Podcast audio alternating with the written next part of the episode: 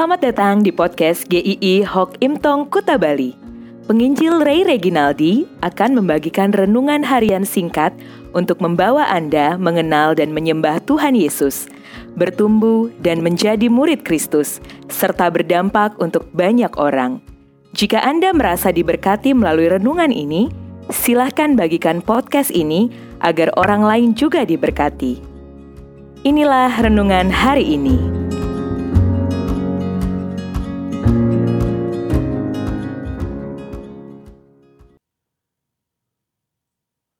Upside down. Markus 10 ayat yang ke-45. Karena anak manusia juga datang bukan untuk dilayani, melainkan untuk melayani. Di Bali ada satu tempat wisata yang menarik, namanya Upside Down.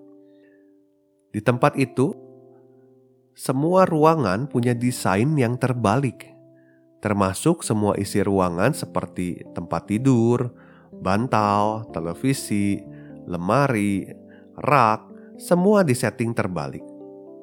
Jadi kalau kita difoto, seakan-akan kitalah yang terbalik. Kitanya yang aneh, melawan gravitasi. Kita tampak tidak normal. Padahal kitanya yang normal, tapi ruangannya yang disetting tidak normal. Seperti itu juga situasi yang dihadapi anak-anak Tuhan di dalam dunia ini. Kejatuhan di, ke dalam dosa membuat banyak pola di dalam dunia ini sudah terbalik-balik, termasuk di dalam hal kepemimpinan. Seakan-akan kita mengikuti cara main dunia, maka kita tampaknya normal, padahal ngawur. Justru kita aneh Cara main kerajaan sorga berbeda dengan kerajaan dunia.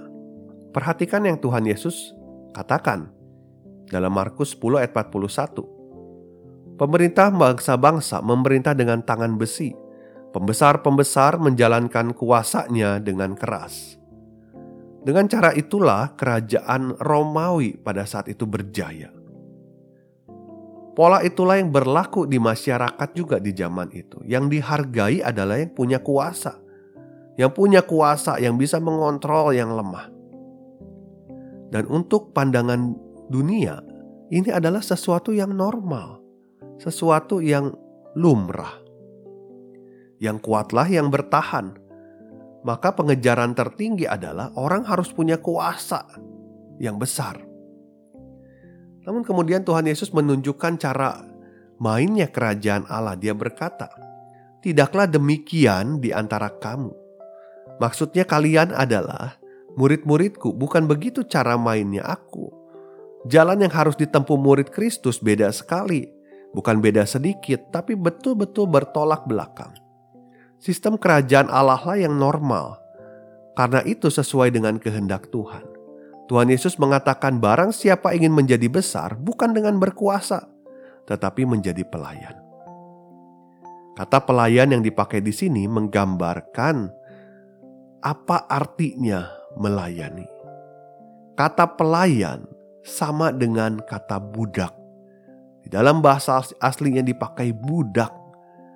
Posisi di masyarakat yang saat itu sangat rendah, tidak dipandang pribadi yang hanya bertugas melayani, bukan mendapatkan penghargaan, bukan mencari keuntungan diri. Melayani itu mudah, tetapi memiliki sikap seorang pelayan atau hamba itu tidak mudah.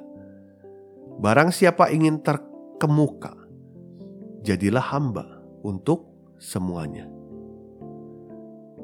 Tuhan Yesus mengatakan, "Karena Anak Manusia juga datang bukan untuk dilayani, melainkan untuk melayani dan memberikan nyawanya menjadi tebusan bagi banyak orang. Tuhan Yesus menurunkan dirinya sampai titik yang paling rendah. Dia memberikan dirinya untuk orang, untuk menyelamatkan orang yang berdosa. Dia bukan ongkang-ongkang kaki di surga menikmati semua kuasa kemuliaannya, tetapi dia merendahkan dirinya bahkan merendahkan diri sampai mati di kayu salib. Dia bukan memikirkan tentang dirinya saja. Dia memikirkan tentang ciptaannya yang dikasihinya. Jiwa yang Tuhan kehendaki adalah jiwa seperti Tuhan Yesus. Jiwa yang mau melayani, bukan jiwa yang haus kekuasaan, jiwa yang ingin dihormati di sana-sini.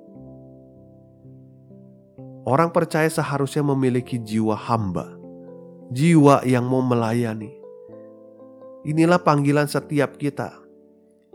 Bukan berarti kita tidak boleh punya jabatan yang tinggi, boleh, tetapi jiwanya tetap jiwa seorang pelayan. Kita dipanggil untuk menjadi pelayan yang setia. Melayani artinya kita mau memberikan diri kita, mengikuti kehendak Tuhan. Hidup ini bukan lagi tentang kita. Kita bukan lagi mencari-cari pengakuan dari orang lain. Kita tidak haus pujian, tetapi sekalipun orang tidak memuji kita, Sekalipun mungkin orang tidak mengakui hasil kerja keras kita. Tetapi kita bisa tetap tenang karena apa yang kita lakukan adalah kita persembahkan semuanya untuk Tuhan. Mari Bapak Ibu Saudara-saudari, di mana pun Tuhan tempatkan kita, apa pun posisi yang Tuhan percayakan kepada kita. Mari tetap miliki jiwa seorang hamba, jiwa seorang pelayan, karena itulah yang seharusnya anak-anak Tuhan miliki di dalam hidupnya. Tuhan memberkati.